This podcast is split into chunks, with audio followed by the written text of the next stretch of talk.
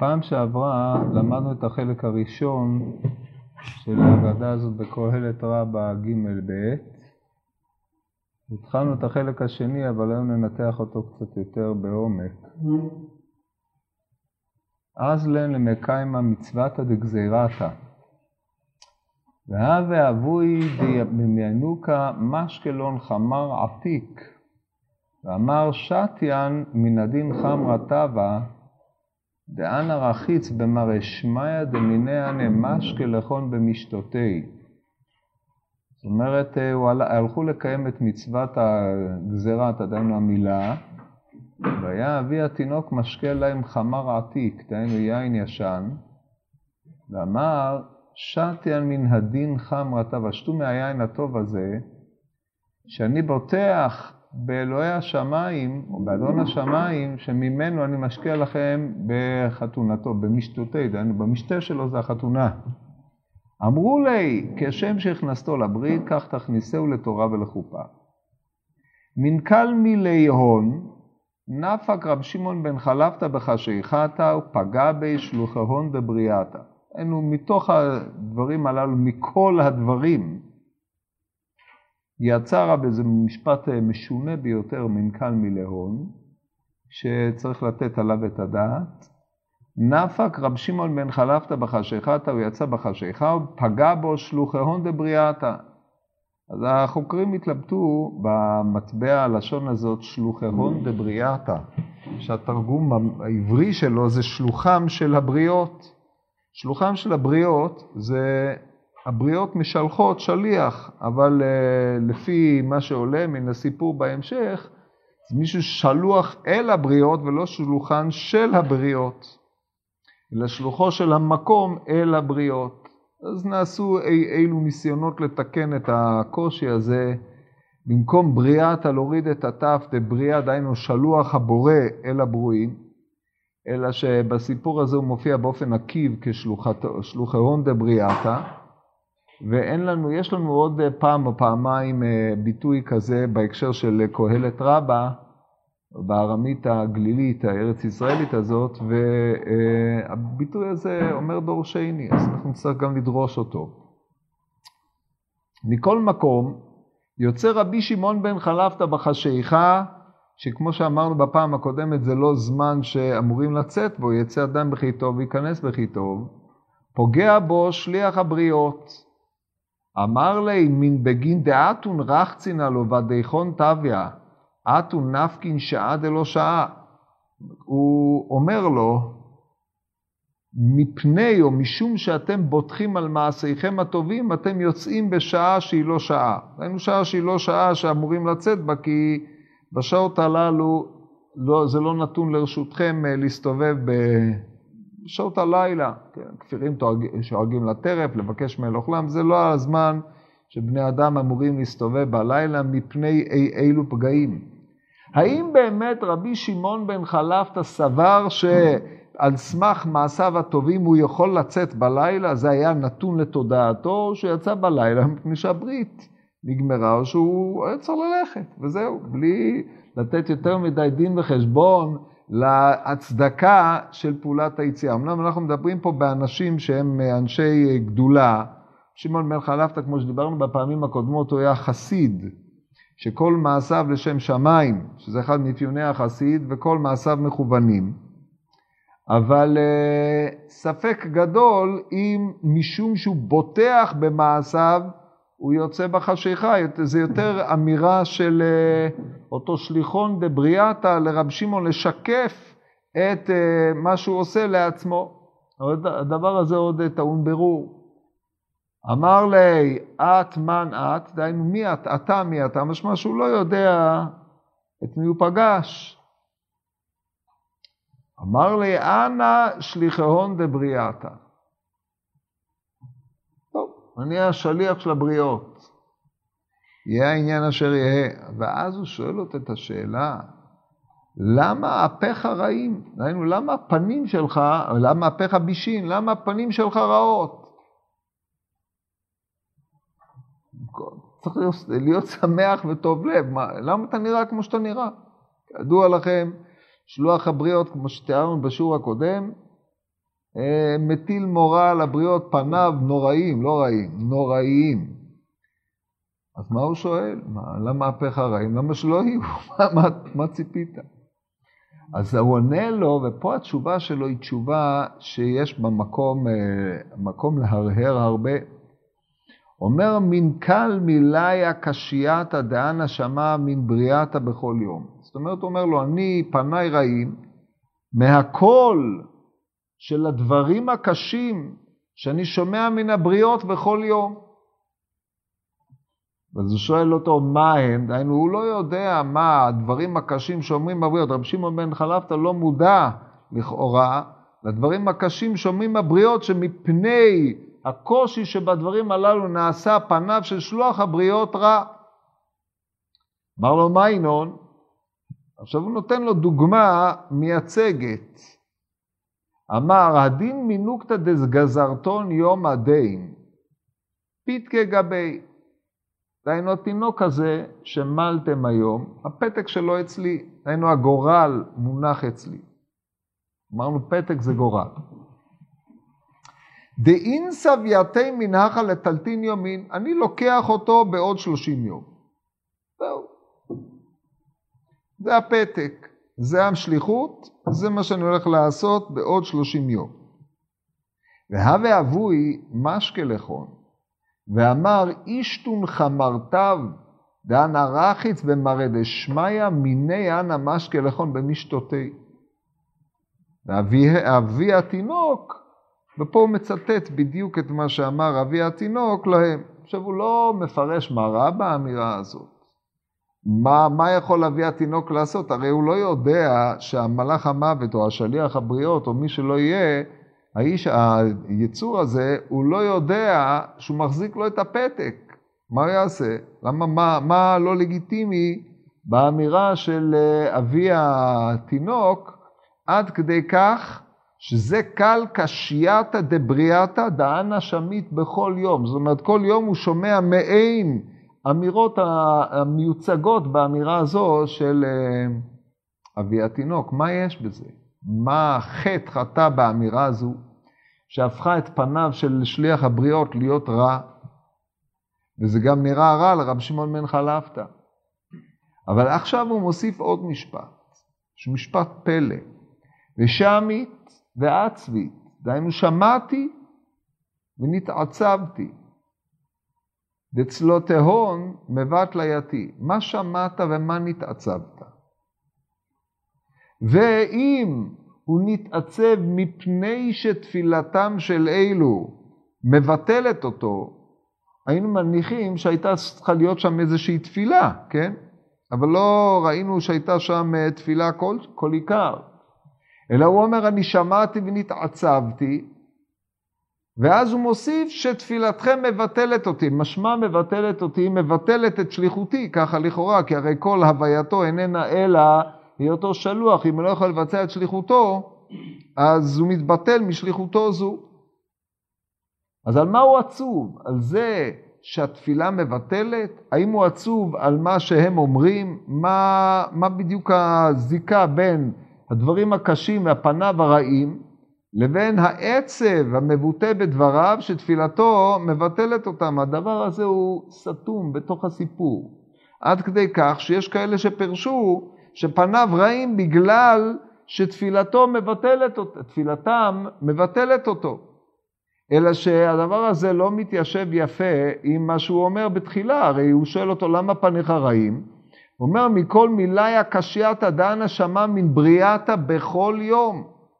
משמע שפניו רעים בגלל דברי הבריות בכל יום, לא בגלל שתפילתם מבטלת אותו. אז ככה יש לנו פה לכאורה רישא לא סיפא, סיפא לא רישא, והדברים צריכים ביאור.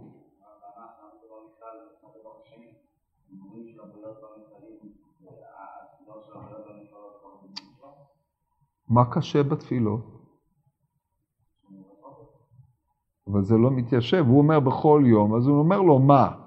והוא אחרי, הוא אומר לו מה אומרים הבריות, כן? הבריות לא אומרים תפילות, אז זה מה שהבריות אומרים, זה מייצג איזשהו הלך מחשבה שאנחנו תכף ננתח. ומזה פניו קשים או רעים או מה שלא יהיה בישים. אבל התוספת ושמית ועצבי דצלותיהון מבט ליתי היא בוודאי לא הסיבה שפניו רעים, אלא היא סיבה שיש בו איזושהי עצבות, והדברים, הזיקה בין הדברים הללו צריכה ביאור. טוב, אחרי שהוא גמר לו את זה, הוא אומר לו, בחייך דעצמך מלי פיתקה. תראה לי את הגורל שלי. פה הוא עונה לו דברים שהם ממש מדהימים. יש פה איזה עומק הגותי נפלא שבדברי החכמים, אנחנו צריכים לתת על זה את הדעת. אמר, לט אנא שליט על דידך ולעלמא דחברך. אני לא שולט על שלך ולא על העולם של חבריך, עלמא דחברך. ככה הנוסח במהדורה של הירשמן, המהדורה המדעית של קהלת רבה. אמר לו, למה? אמרת בכל יום ויום, אתון עמלים בתורה ומצוות. שימו לב, בכל יום ויום. אתון עמלים בתורה ומצוות, ועושים צדקות, והקדוש ברוך הוא מוסיף ימים על ימיכם. ולכן אני לא שולט על הפתקה שלכם.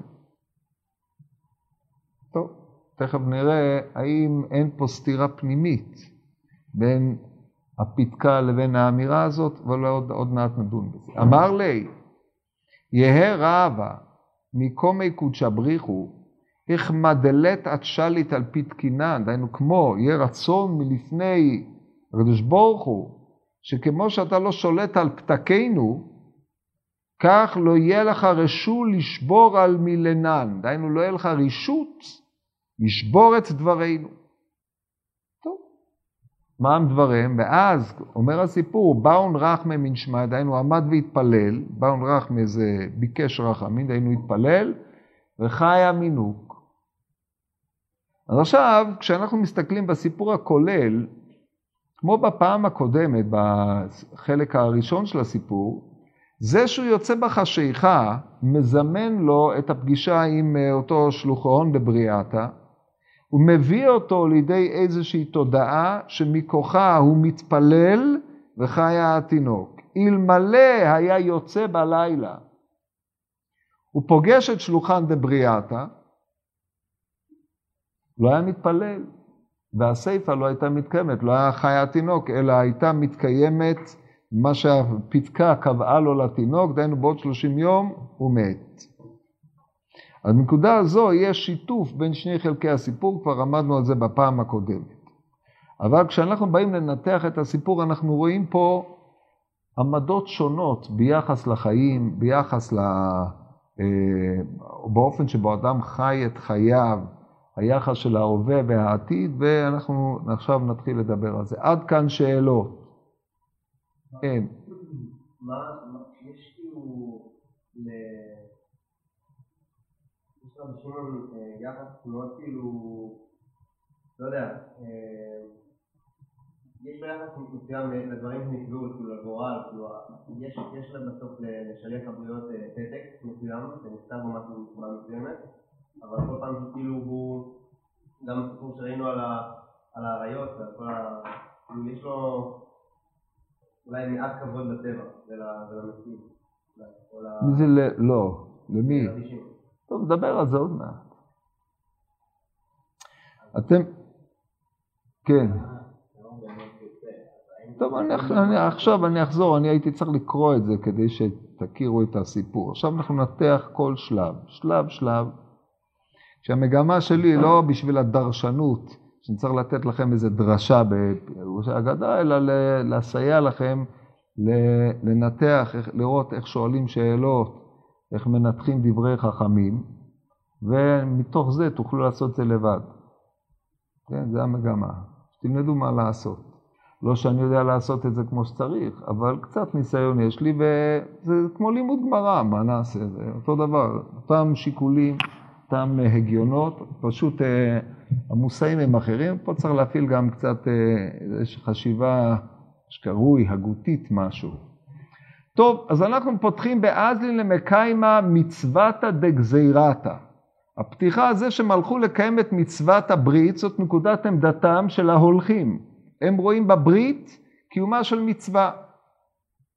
עכשיו אנחנו רוצים לנתח מהי עמדתו של האבא, ופה צריך לדייק היטב במשפטו המפליא ביותר.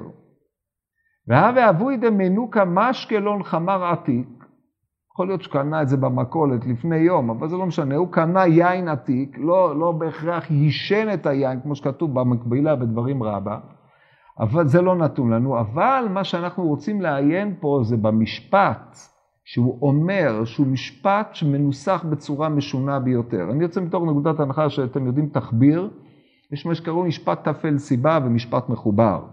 משפט תפל סיבה, כן, מי שלא יודע, אז חסר לו יד בחוכמה, אין מה לעשות.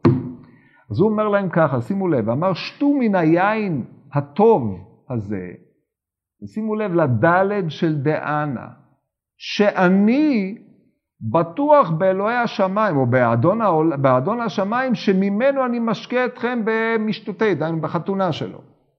איזה, איזה הסבר זה?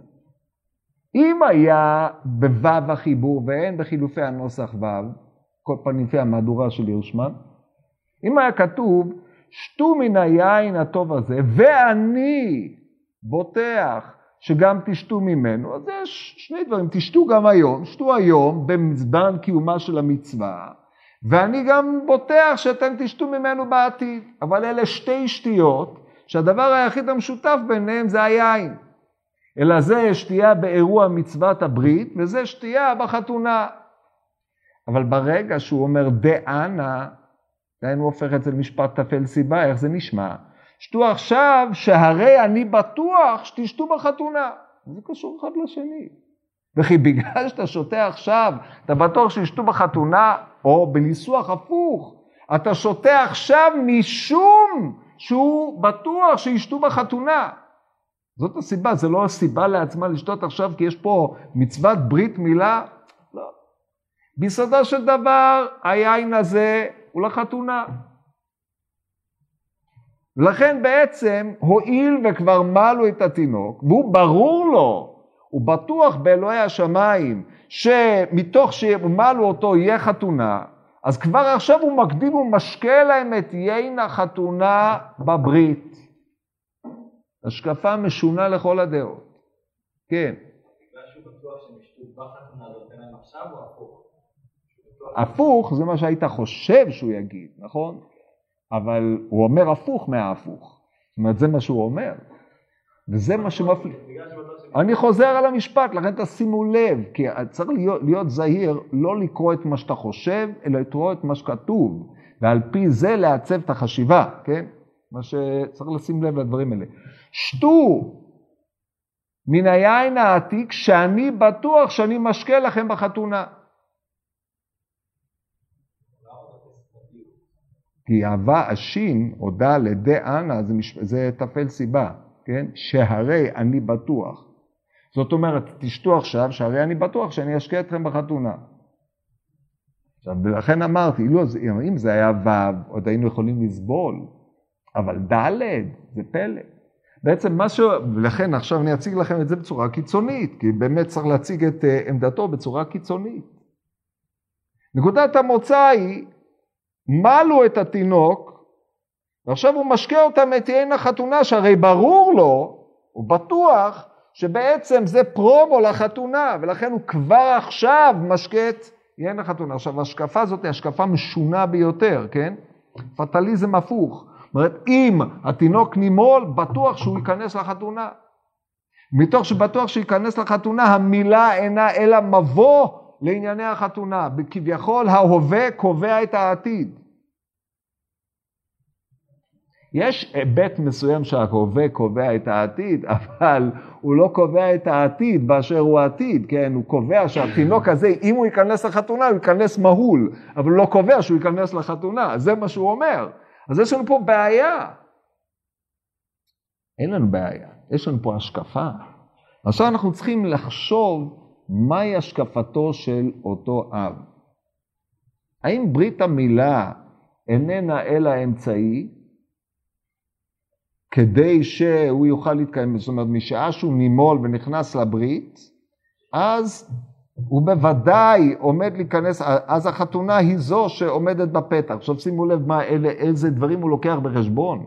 אני אהיה שם, היינו אבי הבן, אתם תהיו שם, היין יהיה שם, ואין צריך לומר שהתינוק יהיה שם. או בניסוח יותר קיצוני, כיוון שהתינוק יהיה שם, כולכם תהיו שם. הזמן כופה, התינוק גדל, ואז תמונת החתונה חוזרת להיות בעצם כמו היום. איזה צורת חשיבה זו? זו חשיבה שמתעלמת מהעובדה ששינויים קורים בזמן. האדם בעצם חי מתוך תודעה, ופה צריך להוסיף לזה עוד איזשהו אלמנט שנראה לי שהוא נכון, אבל אין לי לו ראייה. מתוך איזושהי תודעה, לא זו בלבד, שכמו שאומר בתהילים במ"ט, אמ, קרבם בתי מעוללה, משכנותם לדור ודור, קראו בשמותם עלי אדמות, מה שהזכרתי לכם בשיעור הקודם. אלא יותר מזה, הרי בעצם אין שום קשר סיבתי אמיתי בין שתיית היין עכשיו ובין שתייתו בחתונה. יש פה מעין חשיבה מגית למחצה לשליש ולרביעה. אני משתמש בביטוי רמב"ני על אה, מעשה אבות סימן לבנים, שהרמב"ן קובע שם בבראשית י"ב ו' שמה שהאבות עושים סולל את הדרך לבניהם. מביא את המדרש של רב פנחס בבראשית רבה, אתה סולל את הדרך לבניך, הוא מביא את העובדה שאדם עושה מעשה, עושה אותו, מוציא אותו לפועל דמיון כדי שהוא יקבע מה שיקרה בעולם העתידי, כן, כאשר הוא מדבר על עולם הנבואה. אם אה, מביא את אלישע עם החיצים, אה, הכה אותם שלוש פעמים, אה, אני מניח שאתם יודעים את זה, אם לא, תקראו את הרמב"ן הוא חובה. יש שם איזושהי תפיסה סיבתית, דטרמיניסטית, רק הכיוון הוא הפוך. זאת אומרת, מה שאני עושה היום יקבע את העתיד. עכשיו, אם אנחנו לוקחים את זה כאן במשפט הזה של האבא, שהוא באמת אה, לא הגיוני, אלא עם חשיבה מגית באופן זה או אחר, שתו עכשיו, שהשתייה הזאת עכשיו היא תביא אתכם לשתות בחתונה. לא זו בלבד שמניח שהתינוק יהיה בה, אה, יתחתן, אלא כולם יהיו שם, כמו שאמרתי קודם, כלומר הסיטואציה כופה, ורק התינוק משנה את מעמדו מתינוק, מ, או האירוע הופך להיות מאירוע של ברית לאירוע של חתונה.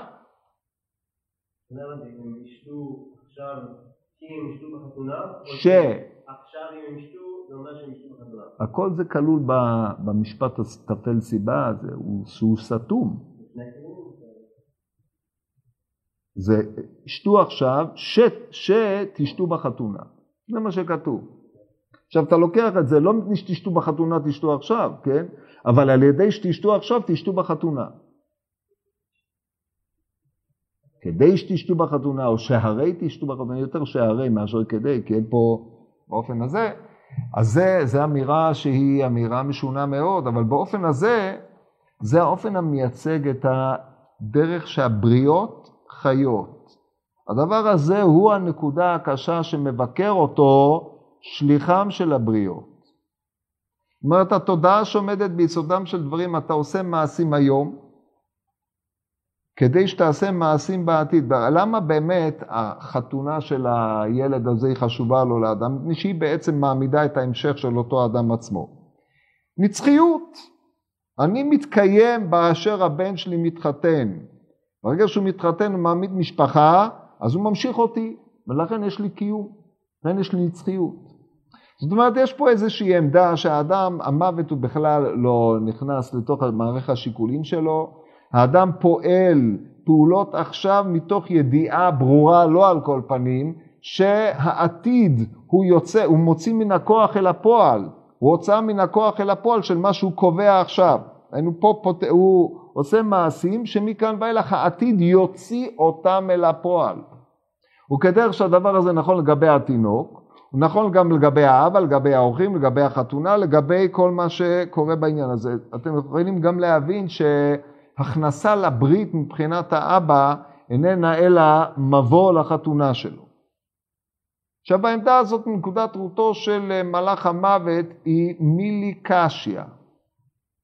אדם שחי בתודעה הזאת ופוגש את מלאך המוות, איזה פנים הוא רואה במלאך המוות? פנים רעות. אין פנים יותר רעות ממי שמפסיק את, ש... את החלום של האדם, שהוא החלום מבחינתו, הוא מציאות. הוא קוטע את המציאות באיבה. הוא לא יכול לסבול את זה. לכן בהכרח כל מי שחי עם השקפה כזאת, הפנים של המלאך המוות הן רעות. עכשיו, מאחר שרוב בני אדם חיים על פי תכנון, מתכננים את החיים שלהם לעתיד, אני אעשה את זה ואני אעשה את זה, ואם אני אעשה ככה, בטוח שאני אוכל לעשות כך וכן הלאה, על זה הדרך. בתוך סיבתיות טבעית, מתוך התפתחות של חיים רגילים. אז תמיד כל קטיעה של אותו רצף חיים היא רעה בעיני האדם, אין לה רוע יותר גדול מזה. ניטל מן האדם מה ששייך לו, החיים הם בכיס שלו, ומישהו בא והפריע לו. מישהו מנע אותו מלהוציא מן הכוח אל הפועל את מה שהיה מחויב לו, מה שהיה ברור לו לחלוטין. לכן הפנים של שליח הבריות הן רעות, רעות מאוד, חולות, גודעות את צורת ההשקפה או צורת החיים של האדם.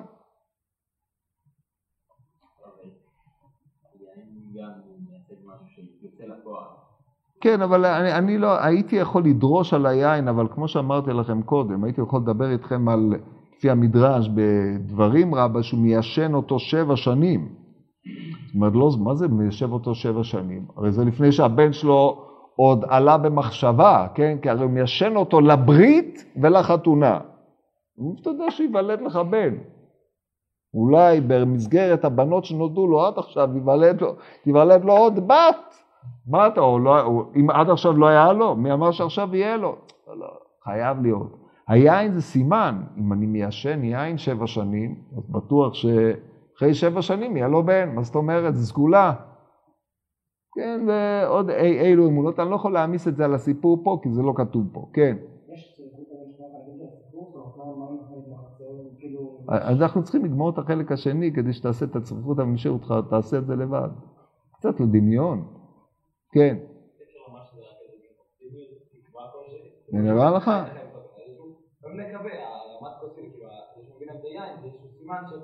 עכשיו תשמע, תשמע, עכשיו אנחנו ניגש לעמדה של המברכים, כן? נראה מה הם אומרים.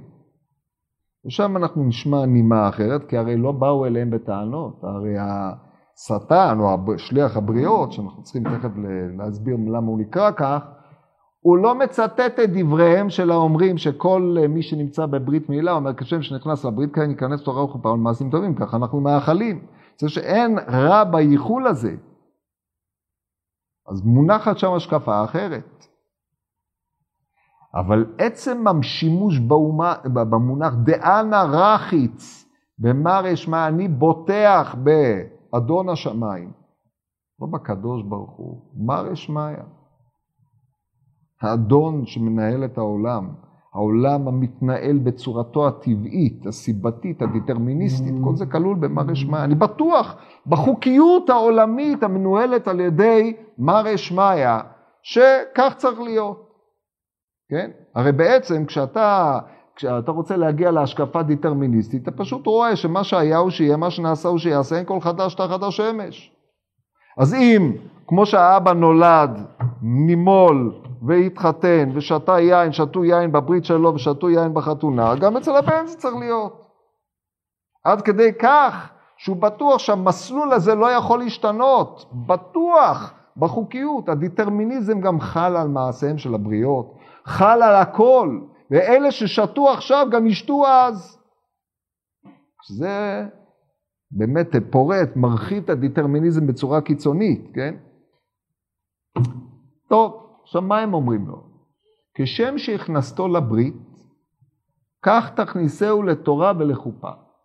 עכשיו, אפשר לקרוא את הכשם בדיוק באותו אופן. כמו שהיה, כמו שהכנסת אותו, כך אתה תכניס אותו לתורה.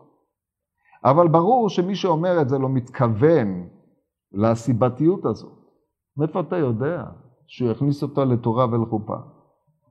אלא זה ברכה. אנחנו מאחלים לך שכשם שזכית לקיים בבנך זה מצוות מילה והכנסה לבריתו של אברהם אבינו, כן תזכה לקיים את שאר המצוות של מצוות האב על הבן, מצוות הבן על האב, זה למולו, לפדותו, ללמדו תורה, או להשיאו אישה, או למדו אומנות בסדר הזה. אז אומנות כנראה הוא היה מסודר, הגדול רומי, הגדול ציפורי הזה, את הבן שלו יכול היה לשלוח לכולל.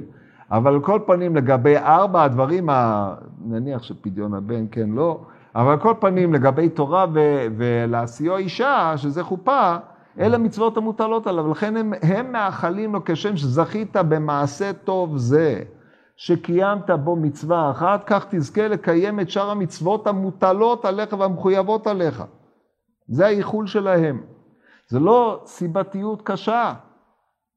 זה לא מאחר שאני, מתוך שאני עשיתי את זה, בטוח, או אני את הברית מילה עשיתי, מפני שאני בטוח שאני אעשי אותו. זה לא עובד ככה. אלא מתוך שזכית במצווה אחת, מצווה גוררת מצווה, תזכה לממש ולקיים את שאר המצוות הכרוכות בהכנסת הבן לבריתו של אברהם אבינו, שזה בין השאר, זה ללמדו תורה וכדי לעשות משפט וצדקה וכדי להשיאו אישה. זה היה הרעיון שגלום אצלם. אז אצלם העניין של המצווה היא גוררת המצווה, לא המובטחות שלו בהנהגת העולם הטבעית היא זו שתביא אותו לידי החופה. מנכ"ל מילי הון נפיק רב שמעון בן חלפתא. עכשיו רב שמעון בן חלפתא שומע את הניגוד החריף בין עמדת הגדול ציפורי הזה, האבי הבן, לבין אותם אה, ברכות, מכל דבריהם הוא יוצא בלילה. זאת אומרת, עכשיו פה אנחנו צריכים להוסיף מישור, הפגישה של שמעון בן חלפתא עם שליח הבריות, אמנם מצויר במדרש כאדם שפוגש מישהו מבחוץ, אבל כאשר אתה רוצה לקרב את הדברים הללו אל השכל, זה בעצם בדרך כלל במצבים כאלה זה שיח פנימי שאדם מנהל עם עצמו. ובאדם מתרוצצים כוחות, אדם שהוא מודע לעצמו, מודע להנהגותיו, ודברים מעין אלה הוא מנהל דיאלוג עם עצמו. כמו שאנחנו מוצאים אה, אצל האדם בהנחש, רחבה, הרמב"ם במורה נבוכים באלף בית ובבית למד, הנחש איננו אלא צד אחר של האדם עצמו. והאדם יש לו עולם דמיוני ועולם שכלי, והוא מאומת, הוא נתון כל הזמן בדיאלוג בין העולמות, ודיברנו על זה בזמנו בהגדה הזאת של חגיגה ה', כן, עם הטעות של מלאך המוות שבא לקחת בזמן לא מתאים, כן? אז אה, גם פה אנחנו צריכים אה, ברוח הזאת להבין את הדברים הללו כאשר אנחנו באים לקרב אותם אל השכל, אבל זה בשלב מאוחר יותר, רק אחרי שאתה מנתח את הסיפור כדיאלוג, אתה יכול להעתיק אותו לדיאלוג הפנימי בין כוח הדמיון לבין כוח השכל שבשני, אצל רב שמעון בן חלפתא. טוב, אז עכשיו נתקדם ואתם תראו למה באמת הדברים פה ממש קרובים. אז הוא יוצא והוא פוגע בו שליח הבריות. שליח הבריות, כמו שאמרנו, זה מונח אה, כפול, דהיינו שלוח אל הבריות ושלוח של הבריות. למה הוא שלוח של הבריות? הוא, נשלח, הוא, הוא שליחם של הבריות אל עצמם כנראה, באיזשהו אופן. זאת אומרת, יש פה איזושהי אה, שליחות של, אה, ש, ש, של האדם אל עצמו, דהיינו באיזשהו שיח תודעתי שאנחנו נגיע אליו בהמשך. אז מה הוא אומר לו? בגין דאתון רחצין הלא ודיכון תב יאתון נפקין שעה דלא שעה. הכוונה הפשוטה לכאורה, מתוך שאתם בוטחים על מעשיכם הטובים, אתם יוצאים בזמן שלא ראוי לצאת.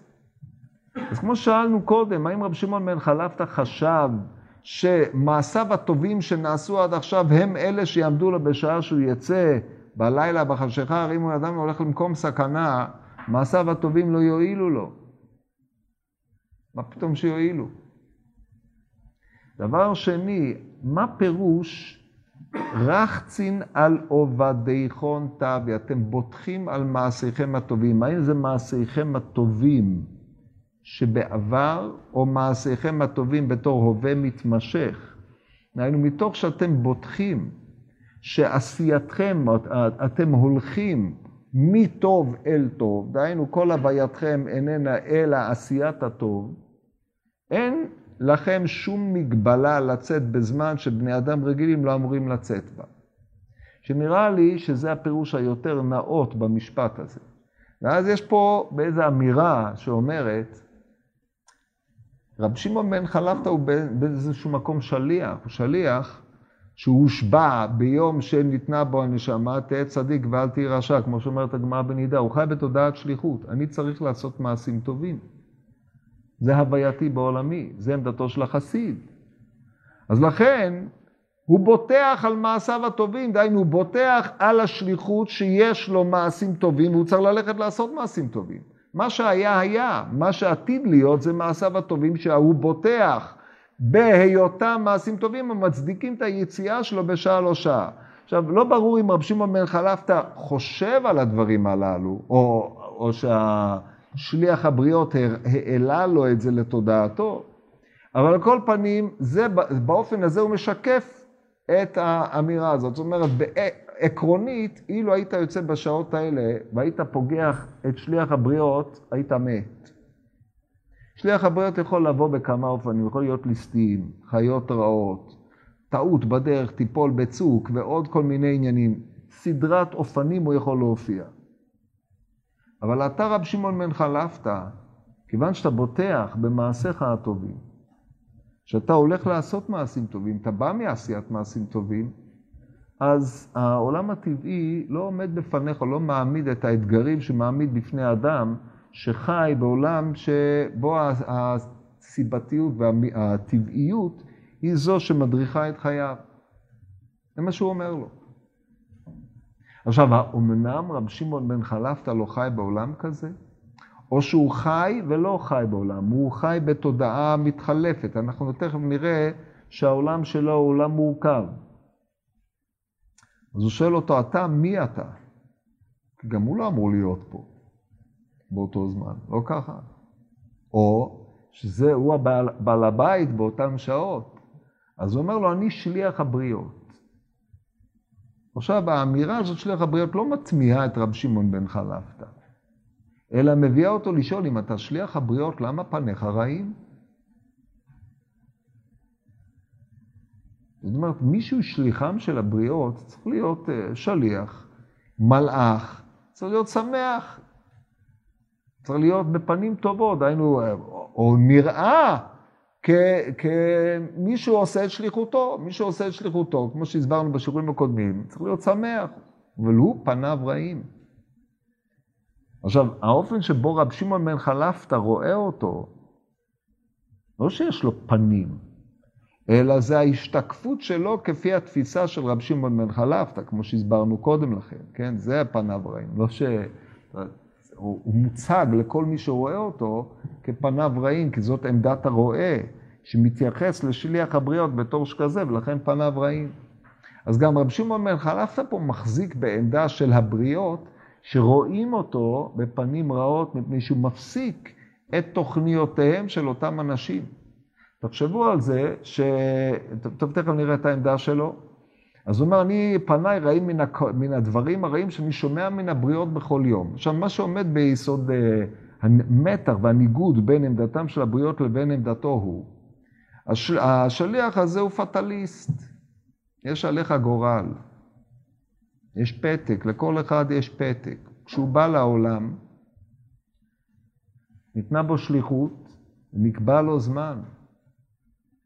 הזמן הזה הוא סוף האדם. אף אדם לא יודע את זמנו, כמו שאמרנו, דוד המלך בתהילים ל"ט, הודיעני אה, מידת קיצי, הודיעני מידת ימי מאי ידע מחדלני, הודיעני קיצי מידת ימי מאי ידע מחדלני. אדם לא יודע את עיתותיו, כדגים הרעים, דגים במצודה רע, הוא לא יודע. זה שאדם לא יודע מתי הוא ימות, זה נותן לו את טעם החיים. הוא חי מתוך הדעה, עד שהוא לא נולד, עד שלא נוצר אותי איני כדאי. ברגע שנולד והוא חי בעולם, זה שאנשים אחרים מתים, זה לא נוגע אליו, הוא חי, עד שברגע שהוא מת הוא כבר לא, אין לו תודעה, אז התודעה שלו היא נצחית. כי הרי אין לו תודעה של אחרי מוות אף פעם, כן? בהנחה שאדם חי בעולם ונגמרת התודעה שלו בשעה שהוא ימות. יוצא שהוא חי בתודעה של קרבם בתימו לעולם, משכנותם לדור ודור. מי שקוטע לו את זה בבת אחת, זה הוא יודע רק מי שרואה אנשים אחרים מתים. אז הקוטע הזה, זה האיום על החיים האוטופיים של אותו אדם שחי לנצח, מבחינתו. לכן פניו רעים, זאת העמדה שלו. עכשיו, כשהוא שומע את כל הבריות, מה שקורה זה כל הבריות הוא זה שמייצג אותו כפנים רעות. עדיין הבריות לא לוקחות בחשבון את המוות.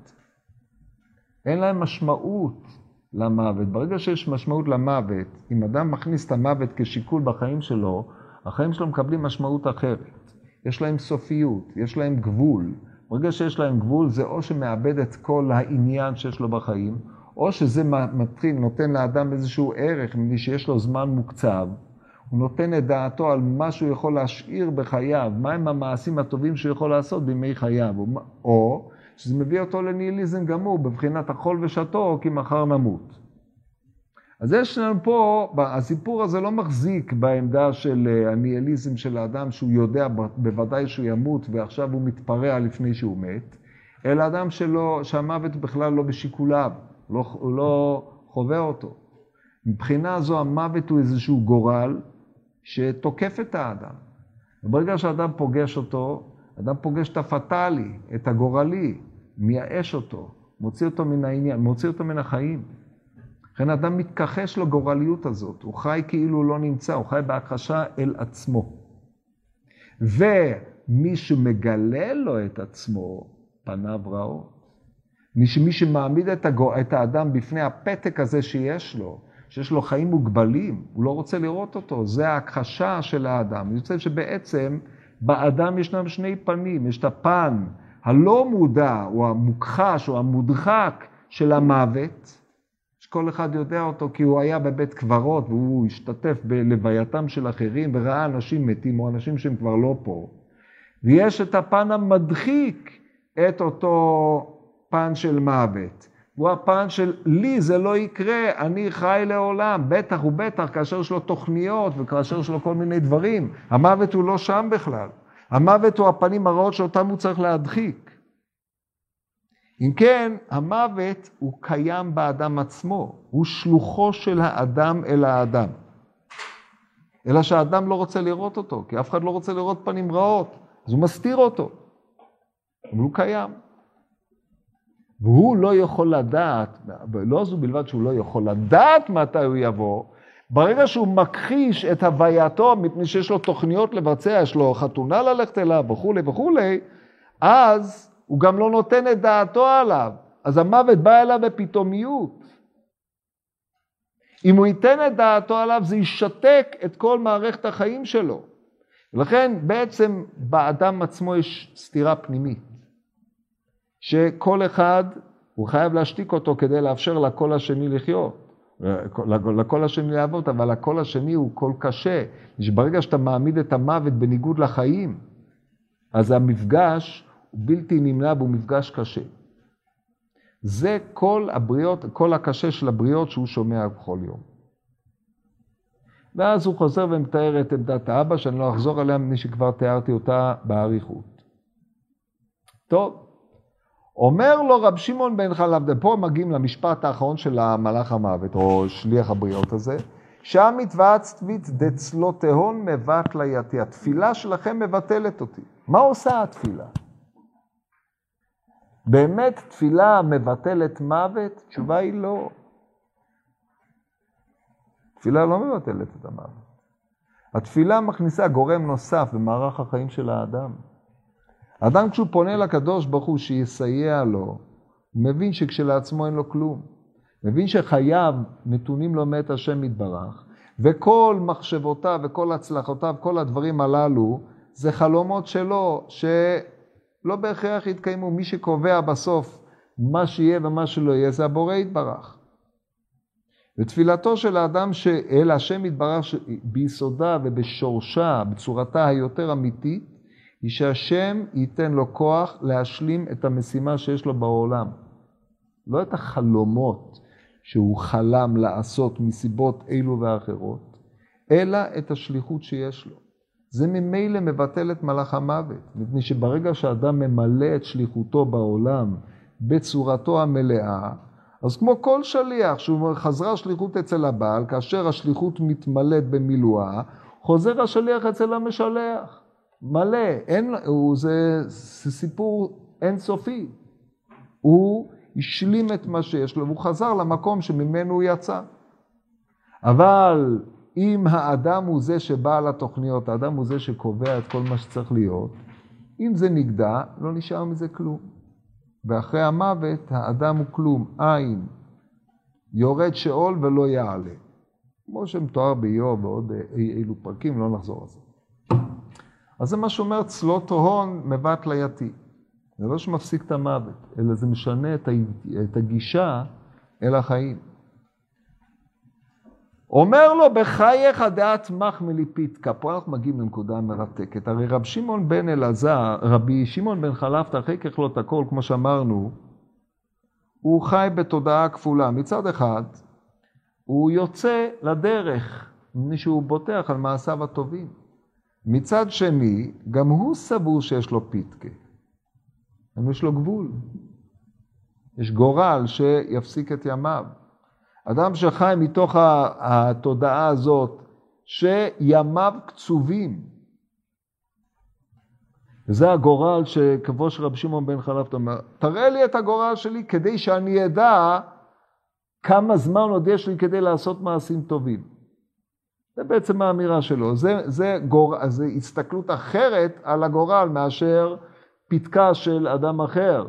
זה אצל האדם אחר, כמה זמן יש לי עוד כדי לממש את התוכניות שלי, פה כמה זמן אני יכול לעשות עוד מעשים טובים לפני שיפסקו, ייפסק, תיפסק האפשרות שלי ללכת בדרך הטוב והישר ולהיטיב עם הבריות, או ללכת בדרך השם. זה פחות או יותר עמדה הזאת, אבל היא גם כן עמדה שיש גבול אל החיים. פה מה הוא עונה לו? אמר לו, אני לא שולט על שלך ועל שכמותך. למה? בכל יום ויום אתון עמלים בתורה ובמצוות עושים צדקות והקדוש ברוך הוא מוסיף ימים על ימיכם. עכשיו יש לנו פה בעיה, יש לו פתקה או אין לו פתקה? בכל יום ויום אתם עמלים והקדוש ברוך הוא מוסיף ימים על ימיכם. עכשיו אין, אין סוף, או יש סוף לימים שהוא מוסיף על ימיכם. ברור, כי הרי שמעון בן חלפתא מת בסוף, כן? אז מה המשמעות, מה המשמעות הדברים האלה? האם המשמעות היא שאצלכם הגורל או הפיתקה משתנה, מתעדכנת מדי יום, אבל יש פיתקה? או המשמעות היא שמושג הפיתקה והגורל לא רלוונטי לגביכם. עכשיו, בנקודה הזאת אנחנו חוזרים למחלוקת רבי עקיבא וחכמים. לפי שיטת רבי עקיבא, מספר ימי, ימיך המלא יש לאדם גבול. היינו, הוא מחזיק בעמדת הפתקה. כל אחד יש לו. כמו שהסברנו בשיעור הקודם ובשיעורים הקודמי קודמים על עמדתו של רבי עקיבא, האדם הוא לא עיווה. נתנו לו סך, והוא עכשיו צריך לפרוע את חובו במהלך כל ימי חייו. האיסורים הבאים עליו, המצוות שהוא עושה, כל אלה פירעון החוב. הוא לווה ומחזיר, אבל יש לו סך סגור. העמדה המוצגת פה, שמציג אותה אותו אה, שליח הבריות אל רב שמעון בן חלפתא, היא אומרת, המושג פתקה לא רלוונטי לגביכם. הרי בכל יום ויום אתם עושים מצוות ומעשים טובים. והקדוש ברוך הוא מוסיף ימים על ימיכם. זאת אומרת, זה לא תלוי בי, זה תלוי בקדוש ברוך הוא. כשהקדוש ברוך הוא לא הוסיף ימים על ימיכם, פירושו של דבר שהוא אסף אתכם אליו. אני מקבל את הפתקאות לבריות, לבני האדם שחיים מתוך תודעת עולם דטרמיניסטי. ואז הגורל בא ובאחת חותך את החיים שלהם. אבל אתם לא חיים בעולם דטרמיניסטי, אתם חיים בעולם של הידמות במעשיו הטובים של הקדוש ברוך הוא, שיהיו בעצם המשכת הקיום. אז כאשר הקדוש ברוך הוא רוצה אתכם אליו, הוא לוקח אתכם. כשהוא לא רוצה, הוא רוצה שתמשיכו במעשיכם הטובים, אתם חיים בעולם. אם כן, שליח הבריות לא שלוח אל אותם חכמים. זה המשמעות של מוסיף חיים ימים על ימיכם. מה קורה עם הרשעים? גם עליהם הוא לא שלוח. באופן מסוים. מדוע? מפני שרשעים בחייהם קרויים מתים. החיים שלהם חסרי משמעות, לכן פוחת ימיהם. זאת אומרת, זה שהוא יחיה ביולוגית 80 שנה, 100 שנה, 110 שנה, 130 שנה, זה לא משנה כלום, זה לא חיים אמיתיים. חיי בהמה, חיים שאין להם שום תוחלת ושום עניין. אז לכן הקדוש ברוך הוא פוחת את חייהם של אלו, בין אם הוא ממית אותם לפני הזמן, מפני שבצורה שבו הם מתנהגים, הם מביאים את המוות על עצמם, כן? זה הרי חלק מהאופן שבו האדם אה, מביא את הגורל על עצמו, או שהם מאבדים את המשמעות של החיים שלהם, חיים חיים ריקים, שזה בעצם חיי מוות. אבל אצל רב שמעון בן חלפתא וזולתו, מהעולם שלו, המלאך המוות הזה לא שולט על הפתק שלהם. כי הפתק, אין להם פתק. הקדוש ברוך הוא, הוא זה שמשפיע עליהם חיים באשר הם עושים את רצונו, וכאשר הוא רוצה אותם אליו, הם עושים את רצונו במקום אחר, כמו שאמרנו, משה עלה ועולה, הוא משמש במרום. אין. זה לא נקרא פתק. פתק זה גורל. פתק זה קבוע לך משהו, ומי שבא ולוקח אותו, זה חלק מהחוקיות הטבעית של האדם. זה הגורל. הגורל הוא לא מישהו שמפעיל אותו, הוא קבוע לך, כן? נתון בך. האדם יודע שהמוות דופק על חלונו, כמו הסימפוניה החמישית של בייטהובן, כן? זה המוות הדופק. טה-טה-טה-טה. לא חשוב. אבל לא, האמת היא, זה לא כזה פשוט, זה תלוי, זה תלוי בפרשנות של הסימפוניה הזאת, אבל אה, זה האופן שאשתי אמרה לי שככה היה צריך לפרש אותו, והיה לנו ויכוח על העניין הזה. טוב, אבל גופו של עניין זה אמ, הטענה, אין פתק. עכשיו, למי יש? מי שלא חי בתודעה של תורה, מצוות וצדקות. שהוא דבוק בהשם יתברך. ואתם הדבקים בהשם אלוקיכם, חיים כל חיים היום. תינוק בן שלושים בן אה, יומו, אין לו את זה, יש לו רק הכנה אל העולם הבא, כמו שאומר המהר"ל, אבל כלום. אבל אפשר להכניס אותו לעולם הזה, הרי זה כשם שנכנס לברית, כך נכנס לתורה ולקופה ולמעשים טובים, שייכנס למסלול של מודעות של חיים אחרים, לא חיים על פי גורל, שאדם מתכחש לו כדי לממש את אה, העולם הדטרמיניסטי שלו. אז זה מה שהוא אומר לו, יהא רבא מקמקודשא בריחו איך מדלתת שליט על פי תקינן, אתה לא שולט על הפתקים שלנו. אם אתה לא שולט עליהם ואתה בעל הפתק, אין פתק, הוא אחראי עלינו. כך לא יהיה לך רשות לשבור את מילותינו. מפני שאנחנו בעצם מייצגים את, או אנחנו שלוחיו של השם יתברך כדי להביא את העולם, להביא את רצונו אל העולם במעשים טובים וכולי. המעשה הטוב ביותר שיכול להיות זה להביא חיים אל האדם. אז מה הוא עושה? עומד ומתפלל. והעמידה והתפילה הזאת על התינוק, שזה עכשיו שהוא יודע שהתינוק הזה יש עליו ונגזר עליו למות, אין לך חסד יותר גדול עם התינוק מאשר חיים נתת לו, חיים שאל, שאל ממך נתת לו הולכים ממעולם ועד. זה החסדים הכי גדולים שאדם יכול לעשות עם האחר, זה להביא לו חיים. עכשיו, ברגע שהוא מבין שאם הוא יעתיק את התינוק הזה מתוך העולם שאבא שלו נתון בו, אל העולם שהוא נתון בו, הרי כמו שאמרנו קודם, לית אנא שליט על דידך ולא על עלמא דחברך, הרי אם התינוק הזה יצטרף לעלמא דחברך, גם לא יהיה לו שליטה עליו. אז זה מה שהוא עושה. מביא אותו, מביא אותו לאותו עולם. ברגע שהוא נמצא בעולם הזה, אז הוא לא שליט עליו, הוא לא יכול לשבור את דבריו. לכן פה הוא עומד ומתפלל. עכשיו, אם אנחנו נסכם, נראה שנעבור לשלב היותר הגותי, מכל מילי הון נפיק רב שמעון בן חלפתא, פירושו של דבר שהוא יוצא מתוך השיח, מתוך דברי האבא ומתוך האיחולים שלהם, הדבר הזה מעורר בו את המחשבות השונות, את המחשבה הפטאלית, מחשבה דטרמיניסטית, מחשבת האב. לעומת האיחולים כשם שנכנס לברית, הידיעה הברורה שסוף אדם למות, סוף בהמה לשחיטה. כל הדברים הללו מביאים את אה, רב שמעון בן חלפתא להרהר בזה, כאשר אדם יוצא בלילה זה זמן ההרהורים. פוגש אותו שליחן של הבריות באיזשהו מקום, זה פגישה של האדם עם עצמו, כאשר הוא פוגש את הלילה, הלילה הוא המוות, הוא החושך. הלילה הוא גם כן מבוא לאור, אבל הוא גם, הוא סוף היום, אבל גם הוא המבוא ליום הבא. אז יש לנו פה פגישה פנימית, והשיח הפנימי של שמעון בן חלפתא עם עצמו, עם התודעה, או עם הידיעה הזאת, או מה שיקרו לפניו. שיכול להיות שהתינוק הזה לא יוציא את יומו, מה אתה חושב שהוא יהיה בחתונה? מי אמר שאני אהיה בחתונה? מי אמר שאתה תהיה בחתונה? מי אמר שתהיה חתונה? זה האמירה, הרי אולי, מי אמר שיש לו 30 יום, דהיינו שזה אפילו שנה לחיות? כלום. זה מה שמביא אותו להתפלל על התינוק הזה, שיחלץ מאותו תפיסת עולם שאבא שלו אה, מצוי בה, ויביא אותו באמת לידי זה שהוא ייכנס לתורה ולחופה, או ייכנס לתורה על ידי ככה, על ידי כך הוא ייכנס לחופה. זה, אם אנחנו רוצים לקרב את זה, לקרב את זה אל השכל, אה, לעשות את זה קצת יותר רציונלי, על כל פנים הנקודה המשותפת בין שתי הסיפורים הללו היא די ברורה. זה הפגישה של רב שמעון עם אירוע מסוים, מעורר אותו לידי איזה שהן תודעות. תודעת החסיד שעושה חסדים עם בעל החצר, ותודעת החסיד שמתפלל על חיים של התינוק, ששני הדברים הללו הם המעשים הטובים של אותו רב שמעון בן חלפתא, שעל מעשיו הטובים הללו הוא סומך ויוצא בחשיכה. טוב, עד כאן.